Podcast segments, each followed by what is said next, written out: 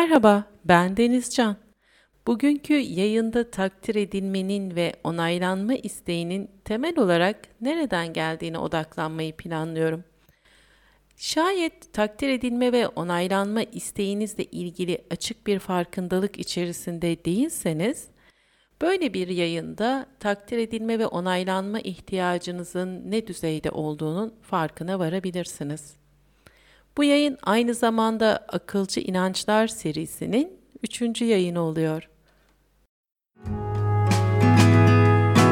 Şimdi ve burada yaşamınızı daha iyi ve daha güzel olana taşıyacak olanı öğrenmeye ve öğrenerek hayatınızı güzelleştirmeye hazır mısınız?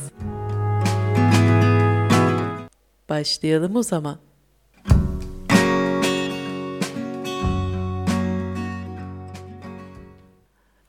Yaptıklarımızla ilgili ya da tercihlerimizle ilgili güzel bir şeyler duymak, beğenilmek bizlere iyi geliyor. Yaptığımız işin fark edilmesi, birilerine katkı sunduğunun bilinmesi iyi ve güzel duygular yaratıyor. Bazen de sadece kendimiz için yaptığımız bir seçimin başka birisi tarafından görülüp fark edilmesi ve onun takdir edilmesi, onunla ilgili olumlu geri bildirimler almak bizim moralimizin ve neşemizin yükselmesini sağlıyor. Bir tercihimiz, bir seçimimiz konusunda e, ya da üretkenliğimiz ya da o anda yarattığımız bir şeyle ilgili iyi ve güzel geri bildirimler almak aslında benlik yapımızı da olumlu olarak etkiliyor. Bu anlamda takdir edilme ve onaylanma sağlıklı geri bildirim sürecinin bir parçası ve bu parçanın dolu dolu olması, hissedilmesi ise bizim belki daha iyi ve daha güzel şeyler yapmamıza olanak sağlıyor. Ama bir nokta var ki e, bu noktanın çok iyi değerlendirilmesi gerekiyor. Çünkü bazılarımız için takdir edilme ve onaylanma artık bu sağlıklı sürecin dışında e, daha çok tamamen bağımlılık yaratmış bir pozisyonda karşımıza gelebiliyor. Peki e, bu durumu nasıl farkına varabilirsiniz? E, bununla ilgili birkaç tane soru kalıbıyla size yardımcı olmaya çalışacağım.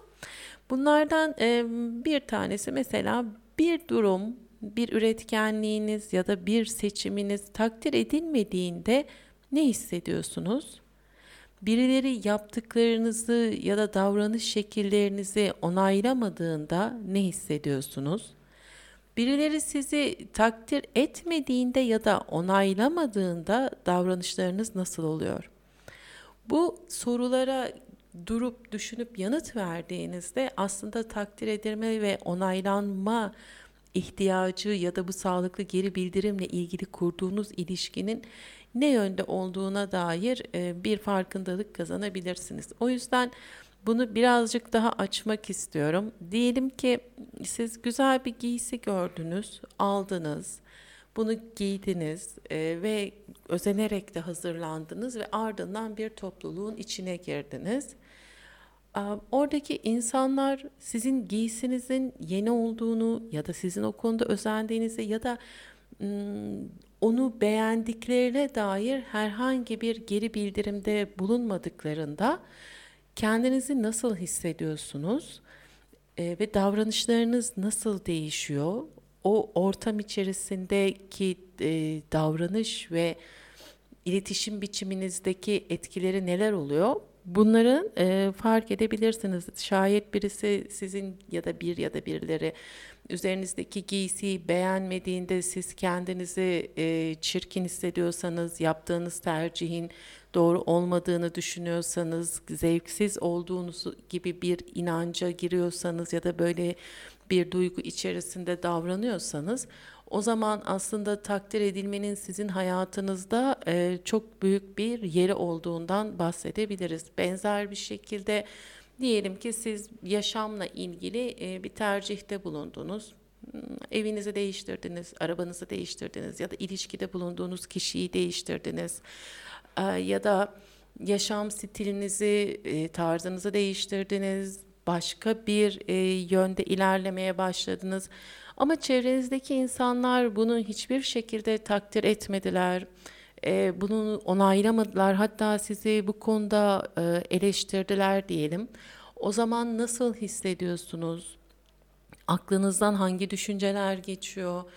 Ee, ve bu sizin o anki tercihinizle ilgili nasıl bir farkındalık yaratıyor? Sizde ne yapmaya başlıyorsunuz? Yani ya bu seçtiğim yaşam tarzı çok iyi değil. Aslında bunu yapmak istemiştim ama bu da bana uygun değilmiş gibi bir e, sürece girip tekrar geri çekilme ya da onu da değiştirme gibi bir tavra giriyor musunuz?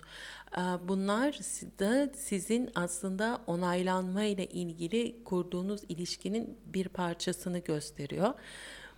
Hmm, yaşamınızda ve çevrenizdeki insanlar sizi onaylamadığı zamanlarda eğer ki mutsuzlaşıyorsanız, karamsarlaşıyorsanız ve bazı endişeye dair duygulara kapılıyorsanız eğer ki o zaman onaylanma ihtiyacınız ve yaptıklarınız karşılığında takdir edilme isteğinizin bir parça değişmesi gerektiğinden e, söz edebiliriz. Peki bazı insanlar bu tür durumları hiç takmıyorlar değil mi? Yani e, onları sadece çevreden gelen eleştiriler çok fazla ilgilendirmiyor. E, başka birisinin onun ne yaptığını fark edip fark etmemesi, başka birisi demeyelim de yani çok dışarıdaki bir insanın onun nasıl olduğuyla ilgili olumlu ya da olumsuz bir geri bildirimde bulunup bulunmaması bu insanları e, çok da etkilemiyor. Peki onların hayatında nasıl bir şey var? Onlar e, hangi e, süreçlerden geçmişler ve bu tür e, durumlara çok da takılmıyorlar? Birazcık da e, buna bakalım bence. O zaman bunu çok daha iyi anlayabiliriz. E, bu daha çok aslında yetiştirilirken e, bize gösterilen ve yansıtılan ebeveyn tutumları ile ilgili. Ama bu daha sonra yetişkinlikte de ya da erişkinlik döneminde de bir şekilde örselenebilir. Buna da yayının devamında gireceğim. Ama klasik olarak hani psikoterapi ve psikolojiden bahsedince herkes çocukluğa dönmeyi çok seviyor ya oradan başlayalım biz. Aslında takdir edilme ve onaylanma daha çok utanç ve korku duygusunu yaşamama isteğinden gelir. Çünkü e, kişiler daha önce bazı tercihlerinden dolayı yetiştirildiği dönemlerde utandırılmış olabilirler. Yaptıkları şeyleri yapmamaları gerektiği konusunda kısıtlayıcı ve limitleyici uyarılar alarak korkutulmuş olabilirler. Bu tür davranışların karşılığında cezalandırıcı ve kısıtlayıcı ebeveyn kimlikleriyle karşılaşmış olabilirler. Bu karşılaşmalar ise yetişkinlikte işte ya da daha sonraki süreçte bunlar fark edilip bunların çok da doğru olmadığı ve genel geçer olmadığı fark edilmediği sürece takdir edilme ve onaylanma hayatlarda çok büyük yer tutabiliyor. Diyelim ki bir çocuk almaması gereken bir şey alıyor. Aslında onun almaması gereken bir şey değil.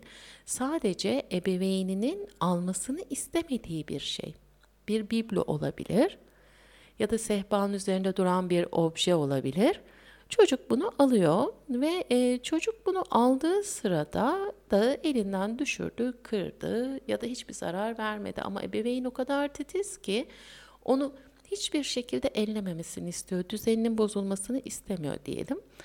Ee, oradaki düzeni de kendine ait görüyor olması ayrı bir e, değerlendirilmesi gereken süreç ama biz şu anda sadece ebeveynin o objenin alınmasından duyduğu rahatsızlıkla çocuğun e, azarlanmasına ve belki de bu davranışı tekrarladığında e, cezalandırılmasına, daha sevdiği başka şeylerin kısıtlanmasını doğru giden bir seçim içinde bulunduysa, bunları yaşadıysa o zaman e, bu çocuk büyüdüğü zaman çoğu zaman bazen başka şeyler de olabiliyor ama e, canının istediği bir şeyi ya da merak ettiği bir şeye doğru ilerlerken ya da onu yapacakken çevreden gelecek olan e, tavır ve tutumlardan korkarak kendisini geri çekiyor ve içe kapanmayı seçiyor. Bunu yapmamayı tercih ediyor. Bu tabii ki yani gidip e, işte yetişkinlikte ne olabilir? Mağazadaki bir ürünü denemek, ellemek, e, bakmak da olabilir. Ya da e, hayatında yapacağı bir yenilik de olabilir. Bunu da etkileyebilir ya da e, o sırada diğerlerinin kurallarına uymayan ama e, onun istediği ve yapabileceğini düşündüğü bir şeyi yapmak da olabilir. Bunlardan kendilerini geri çekiyor. Zaten e, Albert Ellis e, bu toplum tarafından takdir edilme ve onaylanmanın yanlışlığını yani bunun içerisinde kalmanın bireyleri kısıtladığını söylerken o daha çok bunun yenilik getirme anlamında söylüyor. Yani sizin aklınızda müthiş bir e, mimari proje var diyelim. Ev o evi yaptırmak istiyorsunuz.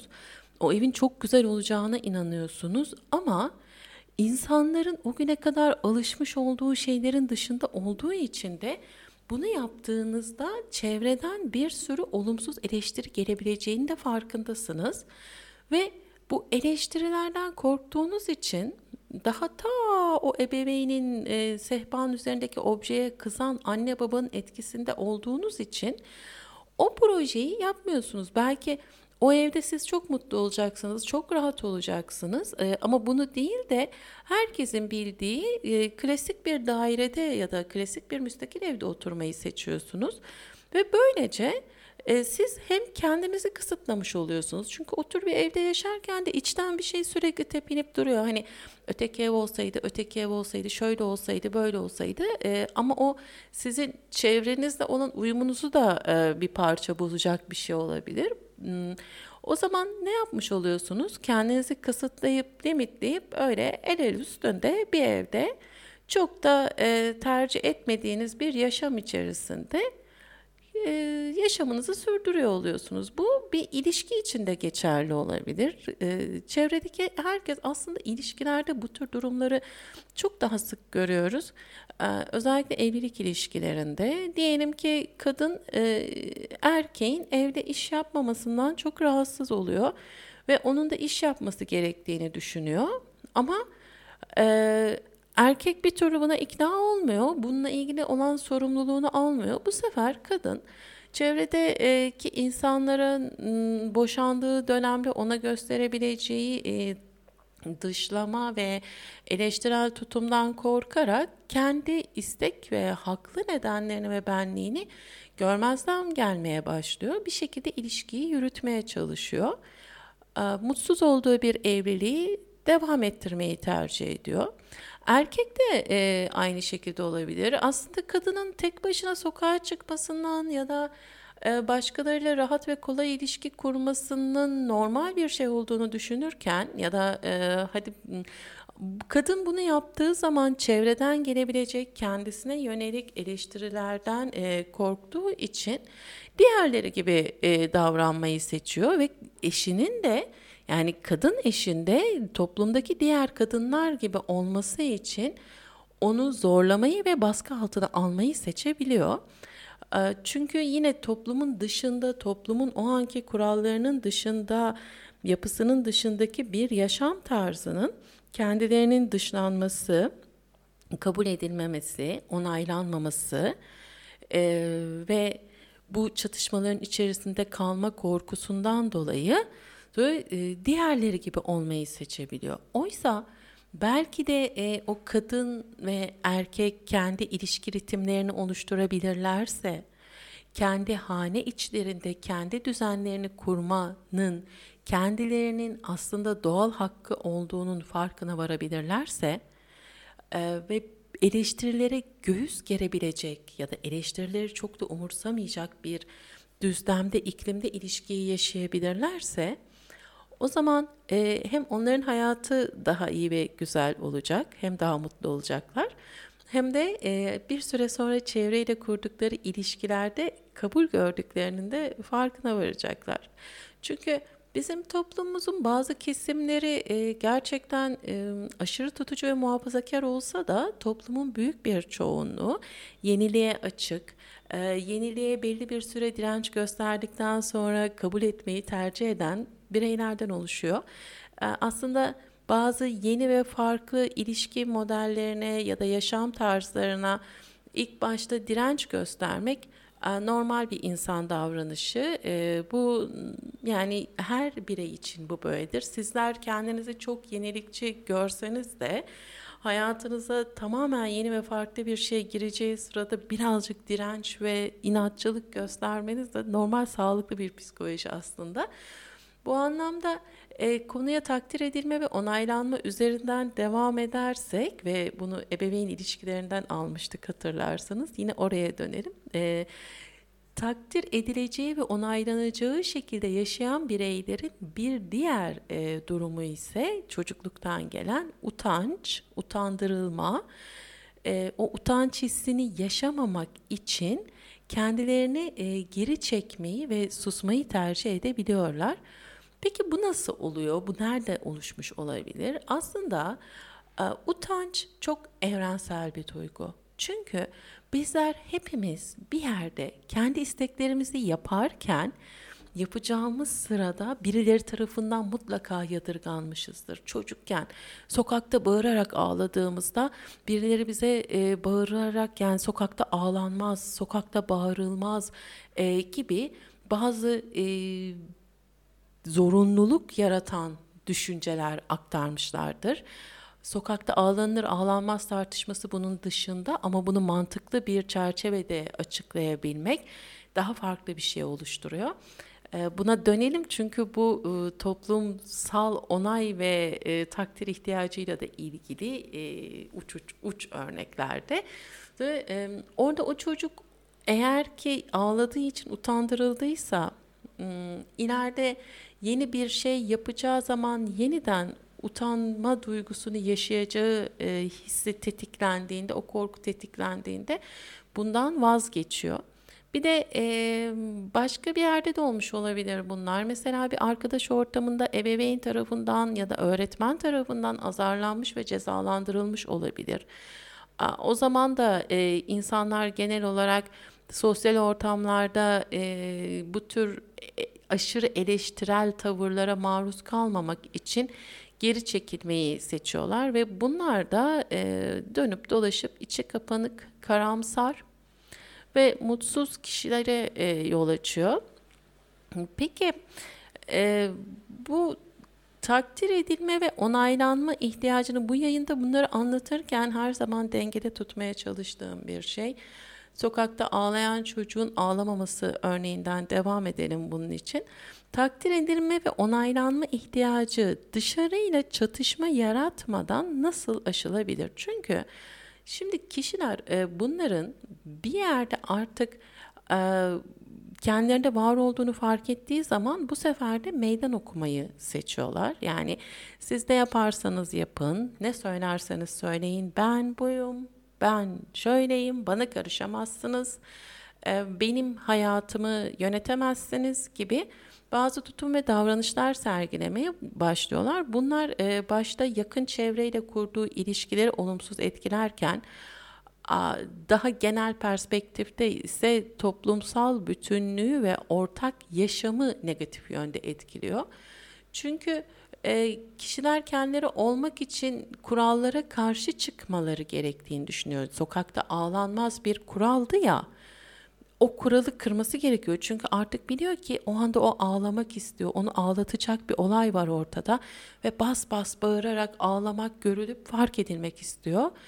Ee, zaten bu oradaki utanç duygusu ebeveynin onu o andaki duygusunu görmeyip de daha çok sosyal hayatı ve topluluğu önemsemesiyle e, gösterdiği tavırdan kaynaklanıyor. Ama Burada çok da fazla ebeveynleri suçlamamak gerekiyor. Çünkü onlar hani e, böyle bir ilahi varlıklar ve uzaydan gelip aslında çok özgür büyüyüp doğup yaşamış kişiler değiller. Onlar da benzer süreçlerden geçtiler. Onlar da benzer e, eğitim ve yetiştirme örüntülerinden geçtiler. Ve onları bir şekilde içselleştirdiler, kabul ettiler.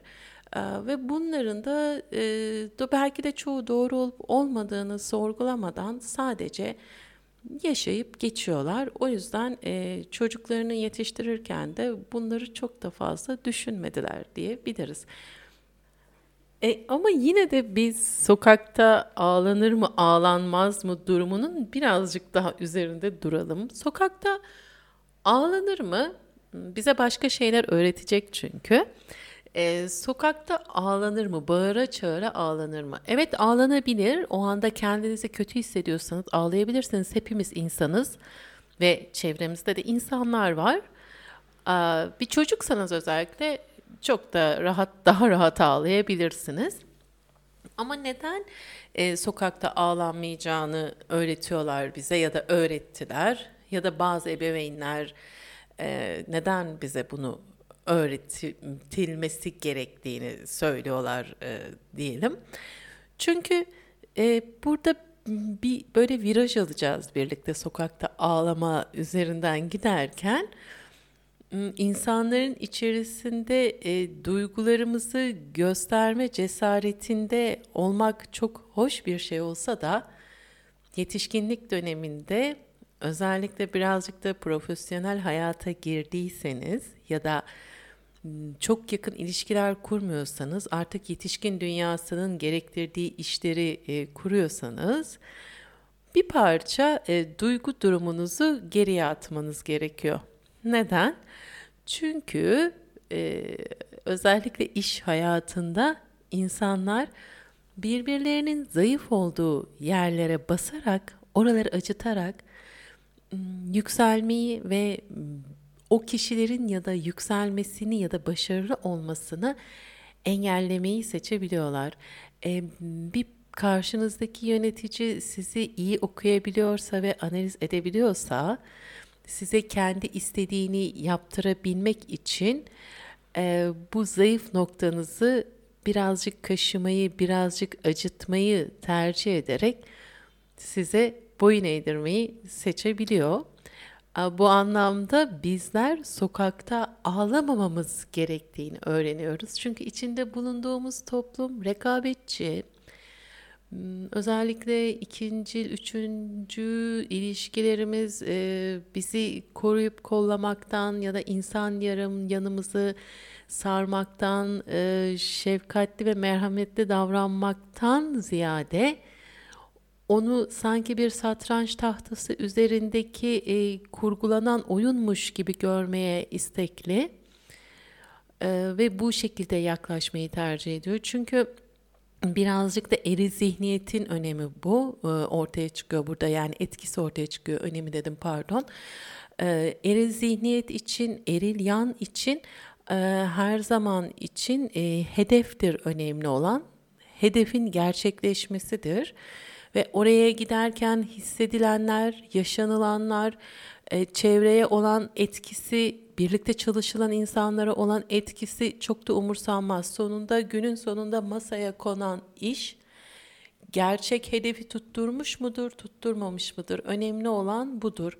Bu nedenle de e, daha çok işverenler ya da yönetici pozisyondaki kişiler bir diğerinin e, zayıf noktası üzerinden hareket etmeyi tercih ederler. Bu da aslında siz bir işe yeni başladıysanız ve e, ilerliyorsanız sizin takdir edilme ve onaylanma ihtiyacınız yetiştirilirken doğru örülmüş olsa dahi o sırada içinde bulunduğunuz e, bir özgüvensiz hal, bir acemiliğin getirdiği e, duruş sizin bu anlamda örselenmenize neden olabilir. Çünkü e, orada bir yerde oturan ya da bir mevkii kendisine yer edilmiş olan insanlar sizin varlığınızı kabul etmek için daha e, ya da sizin varlığınızı kullanabilmek için diyelim yaptığınız işlere aşırı eleştirel ve e, aşırı küçültücü yaklaşıyor olabilirler. Bunu görmezden gelmeyi seçiyor olabilirler ve hatta size hiçbir katkınız ve değeriniz yokmuşçasına hissettirme yolunu bile seçebilirler. Bu aslında simgesel şiddet dediğimiz şeyin başka bir yanını oluşturur. Umarım ki yayınların birisinde simgesel şiddeti anlatma şansını yaratırım kendime. Bu tür yöneticilerin yarattığı tavır ya da insan ilişkileri yani bunu bir komşunuz dahi yapabilir. Çok profesyonel bir hayatta olmanız gerekmiyor. Ben buraya senden önce geldim edasıyla yaklaşarak sizin o ortama yeni giren e, ve aslında daha tam ne olduğunu anlayamamış halinizi örseleyip kırılmayı tercih edebilir. Bazı insanlar böyledir ve o insanlara karşı işte sokakta ağlamamamız gerekir. Sokakta ağlamamayı bu anlamda başardığımızda e, kendi hayatımızı daha özgür ve daha rahat yaşama şansını da elde ederiz. Ama tabii ki sokakta ağlanmaz bize bu anlamda söylenmiyor ama şu anda belki de bu sokakta ağlanmaz denile denile yaratılan düzende insanın kendi duygularını, kendi e, bakış açısını, o anda onun ne hissettiğini, nasıl bir şey deneyimlediğini görmezden gelerek kurduğumuz her ilişkiyle biz bugün bu içinde bulunduğumuz ve bizi sıkan, boğan toplumu yarattık. Bu anlamda e, sokakta ağlanmaz bir yanıyla mantık dışı inançtır, bir yanıyla akılcı inançtır. Bu inancı nasıl kullanabileceğinizi, ne zaman, nerede mantık dışı olduğunu farkına varmanızı isterim. Yakın bir ilişkideyken de siz sokakta ya da başka insanların yanında ağlanmaz duygusu yani öğretisiyle hareket ediyorsanız, onlara kalbinizi açmıyorsanız, onlara hissettiklerinizi söylemiyorsanız, paylaşamıyorsanız o ilişkiler yakın ilişki olmaktan çıkıyor maalesef. O ilişkilerde bizim iş hayatında kurduğumuz profesyonel ilişkilere dönüşüyorlar. Ee, ama bir taraftan da iş yerinde gidip ağlıyorsanız, evet ne yazık ki gidip orada ağlıyorsanız ve duygularınızdan bahsediyorsanız o zaman orada bir şeyleri kaybetmeniz çok normal oluyor ve orada ağlamamanız gerekiyor. İşte bu ikisi arasındaki dengeyi kurabildiğimiz zaman bence biz şu anda e, Alice'in daha önce mantık dışı inançlar listesini tam olarak içselleştirmiş ve onu kullanabilen ve onun sağlıklı yanlarından beslenebilen insanlar olabiliyoruz. Hmm, bugünlük bu kadar olsun. Kendi hayatınızda belki e, çok genel geçer yargılarla yaklaştığınızı düşündüğünüz zamanları farkına varmanızı diliyorum. Bunu yapabilirsiniz. E, bunun için bir yerde yürümeyen, gitmeyen bir şey varsa eğer ki orada sizin hangi düşünce kalıbınız e, sizi bu yöne sevk ediyor? Bunun farkına varabilirsiniz. Mesela ben İki gün önce kendimde bir şeyi fark ettim. E, malum havalar ısındı. Biz de İzmir'deyiz. Baya baya bir ısındık. Hmm, kızım okula gidiyor ama e, sanki ben kızımın okulu tatil olmuş gibi hissediyorum. Muhtemelen o da öyle hissediyor. Çünkü ben de e, şöyle bir inanç olduğunu fark ettim öğrenilmiş. Havalar ısınınca okullar kapanır. Sonra kendime dedim ki eskiden de Deniz o ya. O zamanlar küresel ısınma yoktu. Evet havalar çok sıcakken biz okula gitmezdik ama artık bu çocuklar havalar çok sıcakken okula gidiyor. O zaman dedim okul hala devam ediyor. Toparlan bakalım. Ve e, bu kadar basit olabilir. E, çok karmaşık olabilir. Eğer ki çok karmaşık bir e, duruma da buluyorsanız kendinizi bir şeyin nereden nasıl geldiğini bilmiyorsanız ama sizi rahatsız ettiğinin farkındaysanız bir dış göze farklı bir bakış açısına ihtiyacınız olabilir. Ee, bunları da her zaman kendinizin bulması gerekiyormuş hissiyle yaşamayın. Bazen de sokakta olmasa bile birilerinin yanına gidip ağlayabilirsiniz ee, ve oradaki gözyaşlarınız ya da ağlamayla eşdeğer olan yakınmalarınız sizin hayatınıza yeni bir pencere açacak olabilir. Hmm, bugünlük gerçekten bu kadar. Artık bitiriyorum. Yaşamınızda daha akılcı inançlar oluşturduğunuz ve ya da en azından bunların farkına vardığınız bir hafta olmasını diliyorum. Daima hatırlayın, yaşamda kutlanacak çok şey var ve hayat kutlama sanatıdır. Bir sonraki yayına kadar hoş ve sevgiyle kalın.